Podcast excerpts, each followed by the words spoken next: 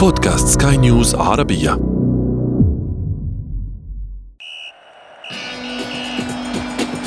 أثير الكرة.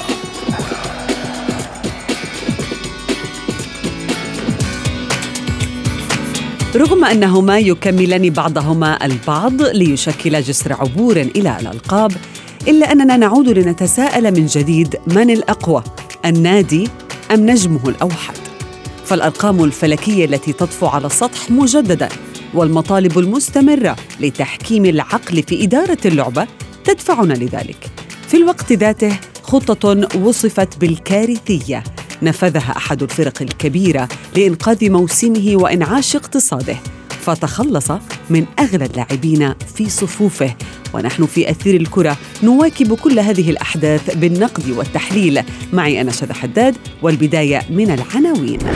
عقد بقيمة نصف مليار يورو في باريس والأعلى اجرا في التاريخ قد يكون في إنجلترا. كيف خسر برشلونة الملايين رغم محاولاته في تصحيح مساره الاقتصادي؟ وفي فقرة ما لا تعرفونه عن كرة القدم نكشف لكم النصيحة التي قدمها الأسطورة الراحل مارادونا لبيريز بشأن مبابي.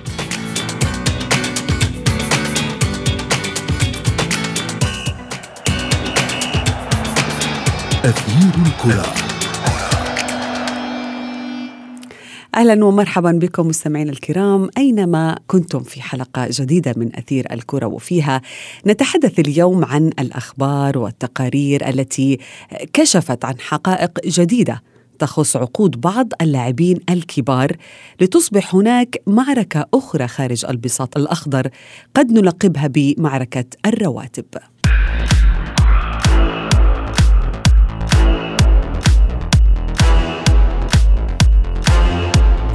ميسي، نيمار، رونالدو، صلاح وغيرهم أسماء رنانة في عالم كرة القدم ونجوم بالفعل أمتعونا بمهاراتهم وفنياتهم الفريدة ليتمتعوا هم برواتب فلكية وبنود صعبة في عقودهم. ولكن ما بين هذا الواقع الجديد والمطالب المستمرة بالمزيد من التقشف في إدارة اللعبة تثار من جديد تساؤلات بخصوص أرقام خيالية في أروقة الأندية الكبيرة يصعب على المرء أحيانا استيعابها. التفاصيل مع الزميل محمد عبد السلام.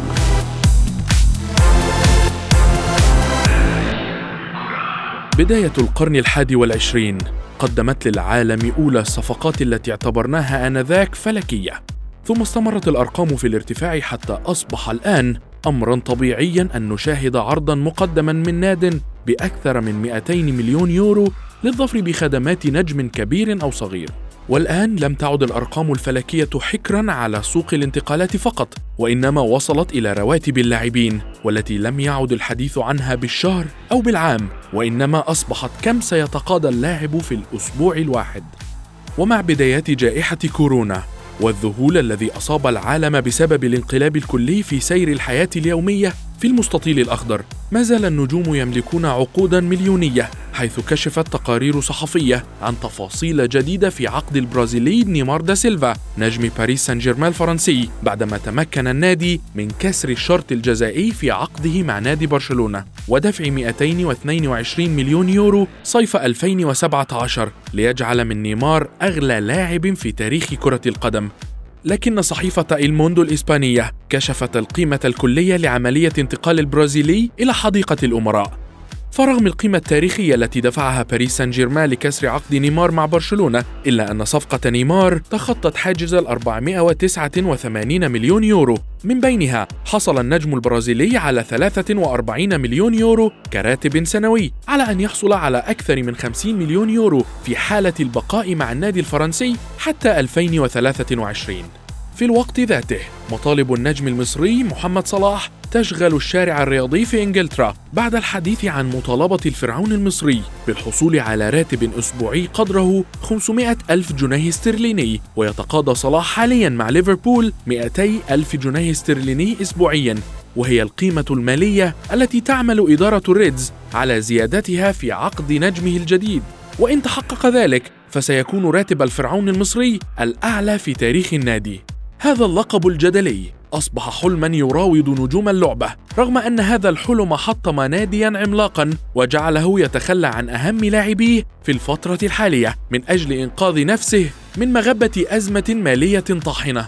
الحديث هنا يقودنا إلى نادي برشلونة الذي رحل عنه أكبر نجومه مقابل صفقات مجانية وإعارات لتصفه الصحافة الإسبانية بالنادي الذي انتحر رياضيا من أجل إنعاش اقتصاده.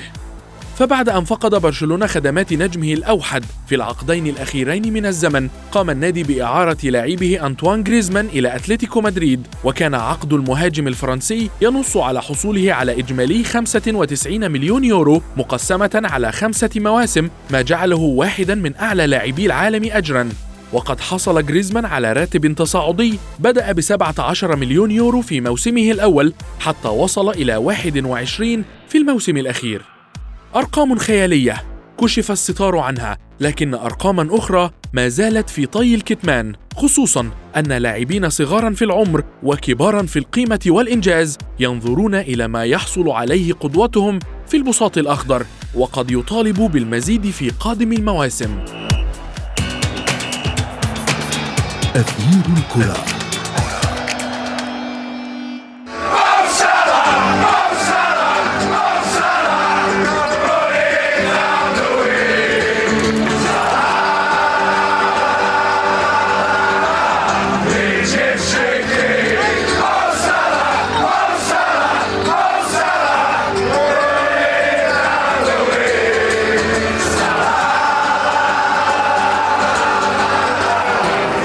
إحصائية مثيرة ظهرت عام 2001 يعني قبل 20 عام من اليوم ملخصها وجود نحو 65 مليون لاعب ممارس لكرة القدم في العالم وهو رقم كفيل طبعا بإغراق الأندية باللاعبين ولكن بعض هذه الأندية تصر على عدد منهم فقط وجذبهم بعقود مغرية عقود مليونية حتى وصلت إلى أرقام خياليه تحدثنا عنها في التقرير وأيضا سمعنا عنها بشائعات وتسريبات من خلال الصحف. دعونا نتحدث عن هذه الأرقام ومدى آه، يعني صحتها من من عدمها مع آه، ضيفي الإعلامي الرياضي مجدي القاسم. أهلا بك مجدي.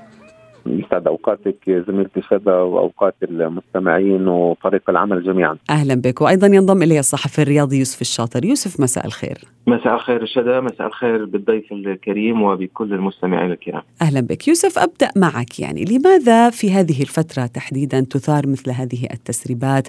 بتنا نسمع عن أكثر من لاعب يطالب بمبالغ خيالية وأيضا عن تسريبات لعقود نجوم كبار وصلت يعني أو حتى حتى حطمت حاجز النصف مليار يورو في بعض الفرق. نشد بما أننا في نهاية سوق الانتقالات مشاكل كثيرة صاحبت هذه النافذة من الانتقالات خاصة في الدوريات الكبيرة. هناك غضب لدى بعض الجماهير خاصة جماهير الفرق الكبرى. بالتالي هناك أندية تسعى نحو إظهار آه، آه، أنها لم تستطع أن تواصل على نفس النهج وتم تسريح بعض اللاعبين كقضية أنطوان جريزمان اللاعب الفرنسي لبرشلونة الذي تم تسريب عقده منذ آه، يومين والذي كان يتقاضى مبالغ فلكية لم يستطع النادي أن يمنح أن يواصل آه، ربما دفعها في الفترة المقبلة. لذلك استسلم ودفع اللاعب نحو الرحيل إلى أتلتيكو آه، مدريد. هناك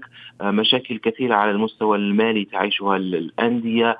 هذه العقود الفلكية التي تحدثنا عنها منذ سنوات في ظل عدم وجود وباء كورونا في ظل آه، وجود الجمهور وجود المنح المالية التي تصرف للأندية في وقتها ولا يتم الاقتطاع منها من التلفزيون أو من أشياء آه، كهذه كانت قادرة على دفع المبالغ. لكن الآن فترة انتقالية فترة صعبة الكل يعاني ماليا آه، جميع الفرق في أوروبا تعاني ماليا وبالتالي أصبحنا أمام مشكلة بدفع الرواتب الأندية لم تص... أصبحت غير قادرة على دفع الرواتب التي آه، آه، كانت على ذمتها سواء لأبرز لاعبيها أو للجميع سواء في إيطاليا أو نعم. في إسبانيا لذلك يبدو لي انها حركة آه، ذكية من بعض الأندية في تسريب بعض العقود لكي ربما تخلي ذمتها أمام الجمهور. آه وربما تقطع الطريق أمام أي أندية أخرى يعني مجدي هل المنافسة بين الأندية لضم اللاعبين الكبار قبل اعتزالهم فاد هؤلاء اللاعبين؟ يعني بكل تأكيد الاستفادة الكبرى دائما ما تكون للاعب. عندما نتحدث عن يعني وكان زميل يوسف تحدث عن جريزمان تم بعد ذلك بعد توقيع العقد بأشهر بل تقريبا بسنة الكشف عن بعض التفاصيل في عقد جريزمان وإنه كان بامكانه الحصول على أكثر من 170 مليون يورو إذا تحققت كافة بنود الحوافز المالية في عقد جريزمان. بالتالي إحنا بنتحدث عن أرقام فلكية علاوة على إنه برشلونة كسر قيمة الشرط الجزائي ب 120 مليون لما استقدم من أتلتيكو مدريد. نعم.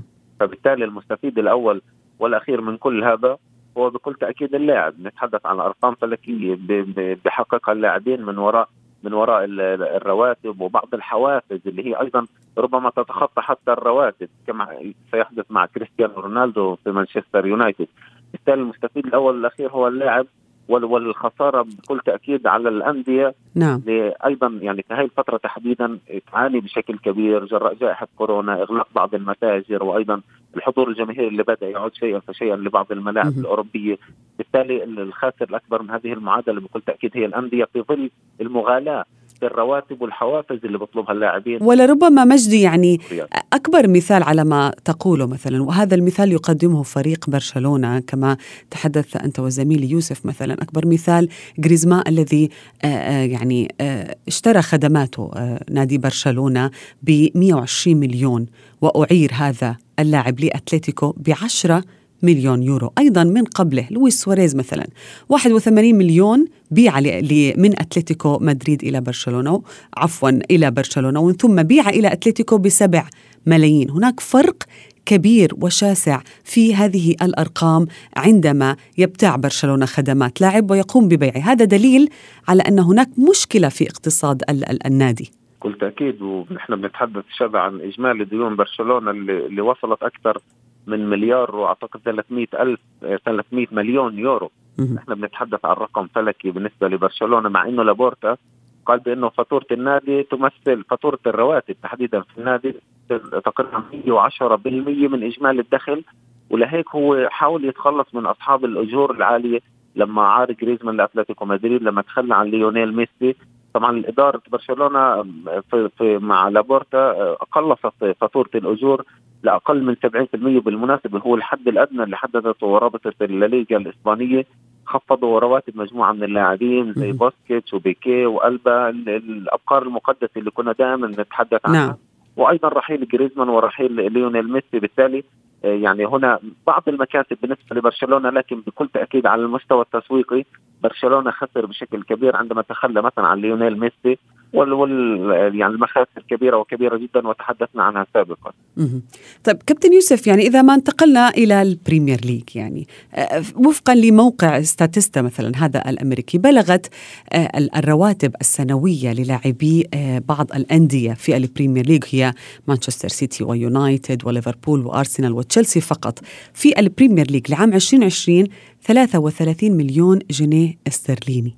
يعني هنا نحن نتحدث عن عدد من الأندية في أقوى الدوريات الكبرى. اذا ليس من الأمر أو هو شيء طبيعي مثلا أن نسمع بعض الشائعات التي تتحدث بأن صلاح لديه مطالب بزيادة راتبه في ليفربول كشرط أساسي إذا أراد أن يتم تجديد عقده في النادي. طبعا شذا شيء طبيعي بالنسبة لأي لاعب أن يطلب تحسين العقد عند عندما يريد أن يجدد ومحمد صلاح أبرز نفسه بشكل رائع في السنوات الأخيرة وأظهر أنه يستحق تجديد عقده مع فريق ليفربول. هو ان يتقاضى تقريبا 20 مليون يورو في فريق ليفربول. بالتالي يطمح بشكل طبيعي أن يأخذ أكثر في هذا الفريق. الفريق خاصة مع المنافسة الآن مع كريستيانو رونالدو ونعرف ما يمثل آه، ربما التنافس في إنجلترا بين ليفربول ومانشستر يونايتد على المستوى آه، التسويقي. في إنجلترا ربما الوضع شيئا ما أفضل لأنه آه، دوري مهيكل بشكل قوي منذ بداية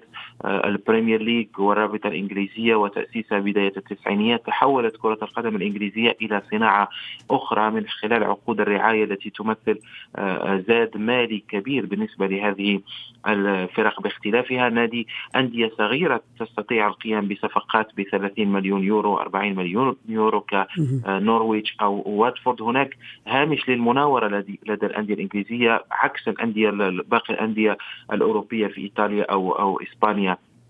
بالنسبة لصلاح أصبح الآن ماركة. صلاح أصبح يضاهي كريستيانو رونالدو يضاهي ليونيل ميسي على المستوى التسويقي لذلك شيء طبيعي أن يطلب تحسين العقد. ولو أن الأمر يبدو صعب في هذه الفترة لأن ليفربول لم يكن نشط كثيرا في سوق في سوق الانتقالات. الماضية. هل هذا لخدمة تجديد عقد صلاح؟ هل تعتقد ذلك كابتن يوسف؟ تماما فرضيه ممكنة جدا شدا لأن في وقت تجلب لاعب ربما لا يعطيك ما يقدمه صلاح تحافظ على صلاح وتجعله سعيد بتجديد العقد وبإضافة ربما حوافز أخرى لمحمد صلاح خاصة وأن ليفربول السنة الماضية مر بسنة آه، سيئة ممكن أن نقول ويطمح للعودة من جديد للتتويج بدوري الأبطال وبالدوري الإنجليزي الممتاز. نعم. كابتن مجدي هل تؤيد بأنه بالفعل كان نادي ليفربول هادئ يعني في سوق الانتقالات وذلك لأنه كان يبحث عن آه، إقناع آه، ربما محمد صلاح في تجديد عقده مع النادي وهو قد جدد لأغلب اللاعبين الموجودين في صفوفه ما عدا صلاح. بكل تاكيد يعني صلاح يعتبر واحد من أهم ركائز ليفربول حتى في في سنوات النجاح الماضيه اللي عاد فيها ليفربول للواجهة سواء المحلية أو حتى الأوروبية. كان صلاح أحد أهم أركان ال ال ال الانتصارات والنتائج اللافته والمميزة. وإحنا بنتحدث عن راتب أسبوع لصلاح آه، حوالي 200 ألف جنيه استرليني. هلا هو في ليفربول أعتقد بأنه الأعلى اجرا في داخل ليفربول لكن إذا ما قورن على سبيل المثال الآن وكان يتحدث زميل يوسف مع كريستيانو رونالدو الصحف البريطانية قالت في البداية أنه رونالدو ممكن يحصل على حوالي 380 ألف جنيه استرليني أسبوعيا وبعد ذلك كان في حديث بعض التقارير أشارت أنه رونالدو ممكن يوصل ل 500 ألف جنيه استرليني. بالتالي عندما يقارن صلاح نفسه بكريستيانو رونالدو ومن حقه أن يقارن نفسه بالنجوم العالميين الكبار سواء كريستيانو أو ميسي أو أو مبابي أو هالاند بالتالي من حق صلاح أن يطالب برفع قيمة راتبه الأسبوعي وكان هنالك حديث عن 400 ألف جنيه استرليني أو 450 ألف جنيه استرليني مطالب صلاح. واعتقد بأنها مطالب مبدئية بالنسبة لصلاح وبعد ذلك يعني خلال المفاوضات أعتقد بأنه ربما سيذهب إلى 300 ألف جنيه استرليني أو 350 ألف جنيه استرليني. بالتالي هذا جزء من مناورة حتى وكلاء أعمال اللاعبين في حال تمكنوا من الحصول على أفضل العروض الممكن خاصة ونحن نتحدث عن صلاح. مطلوب في برشلونة مطلوب في ريال مدريد مطلوب في أغلب الأندية الأوروبية الكبرى وبالتالي من أجل تحصين اللاعب.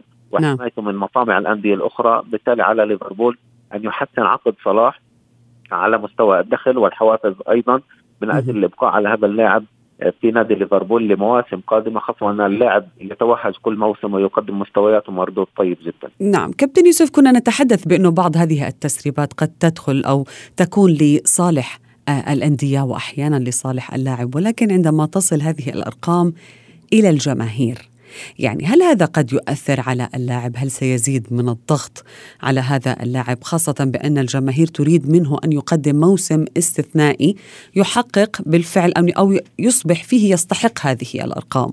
بكل تأكيد الضغط الجماهيري هو مصاحب للأرقام. في هناك أندية في أوروبا هي ملك للأعضاء ملك للجماهير. بالتالي الأعضاء يحسون أن هم من يدفعون الأموال للاعبين خاصة آه، في إسبانيا. لذلك هناك غضب دائما لدى الجماهير.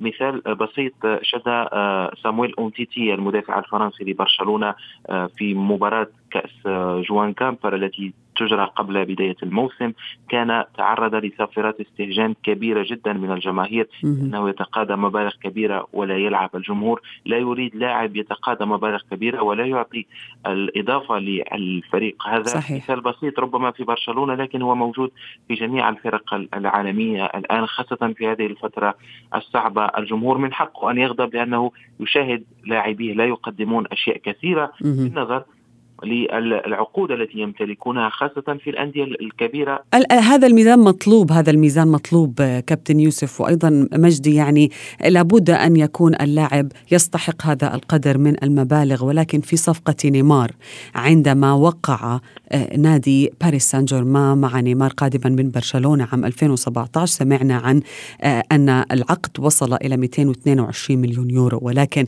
الموندو الإسبانية هذه الصحيفة التي دائما ما تنشر مثل تفاصيل معينة وحماسية ومثيرة للجدل تقول بأن عقد نيمار وصل إلى مجموعه 489 مليون يورو. ماذا يعني هذا الرقم لنجم واحد في فريق واحد؟ أعتقد بأنه من ال من ال من المغالاة ومن الصعب أن نجد لاعب في العالم يساوي هذه القيمة سواء سوقية أو حتى على مستوى الأجر أو حتى على مستوى المكافآت.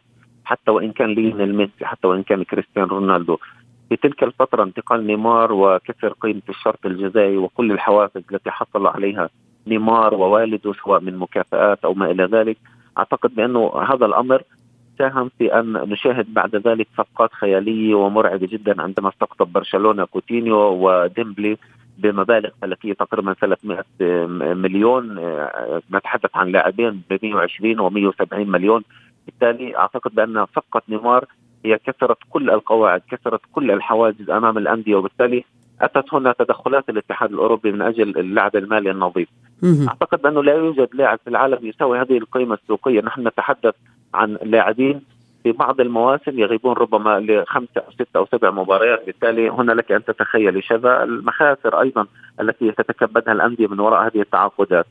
أعتقد بأن هنالك مغالاة كبيرة في موضوع أجور اللاعبين في موضوع الحوافز لكن يبقى السباق المحموم بين الأندية الأوروبية من أجل الظفر ببعض الأسماء المميزة. هو العامل الأساسي الذي ساهم في أن تلجأ بعض الأندية إلى كسر بعض القيود وإخفاء بعض البنود المالية من أجل عدم التعرض لعقوبات من قبل الاتحاد الأوروبي على صعيد اللعب المالي النظيف. نعم، شكرا جزيلا لكما ضيفي الإعلام الرياضي مجدي القاسم وأنت الصحفي الرياضي يوسف الشاطر، شكرا جزيلا لكما.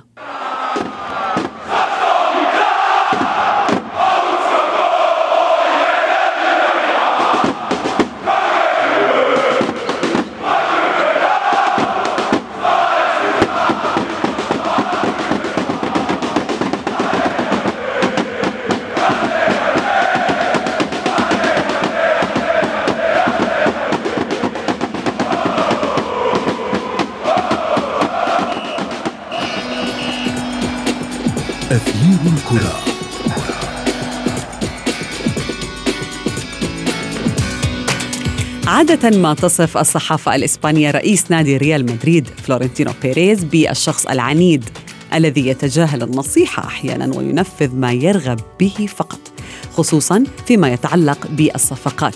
وفي فقرة ما لا تعرفونه عن كرة القدم نكشف لكم كيف أثبتت هذه الصحافة رأيها ببيريز.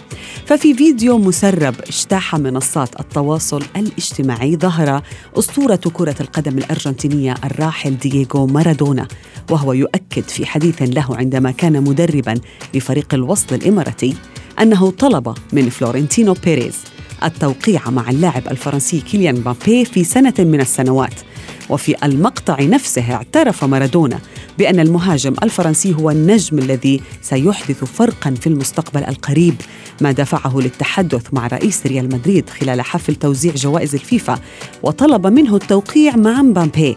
لكن بيريز رد على مارادونا في ذلك الوقت قائلا إن لديه العديد من اللاعبين المميزين وهو ليس بحاجة للمزيد منهم. وانتشر هذا الفيديو بعد غلق سوق الانتقالات أبوابه في وجه المدريديين ومبامبي أيضا بعد انتهاء المفاوضات لانتقاله إلى النادي الإسباني بالفشل. وصلنا مستمعينا الكرام إلى صافرة النهاية من أثير الكرة ولكن انتظرونا في موعد جديد. هذه تحياتي أنا شد حداد. إلى اللقاء.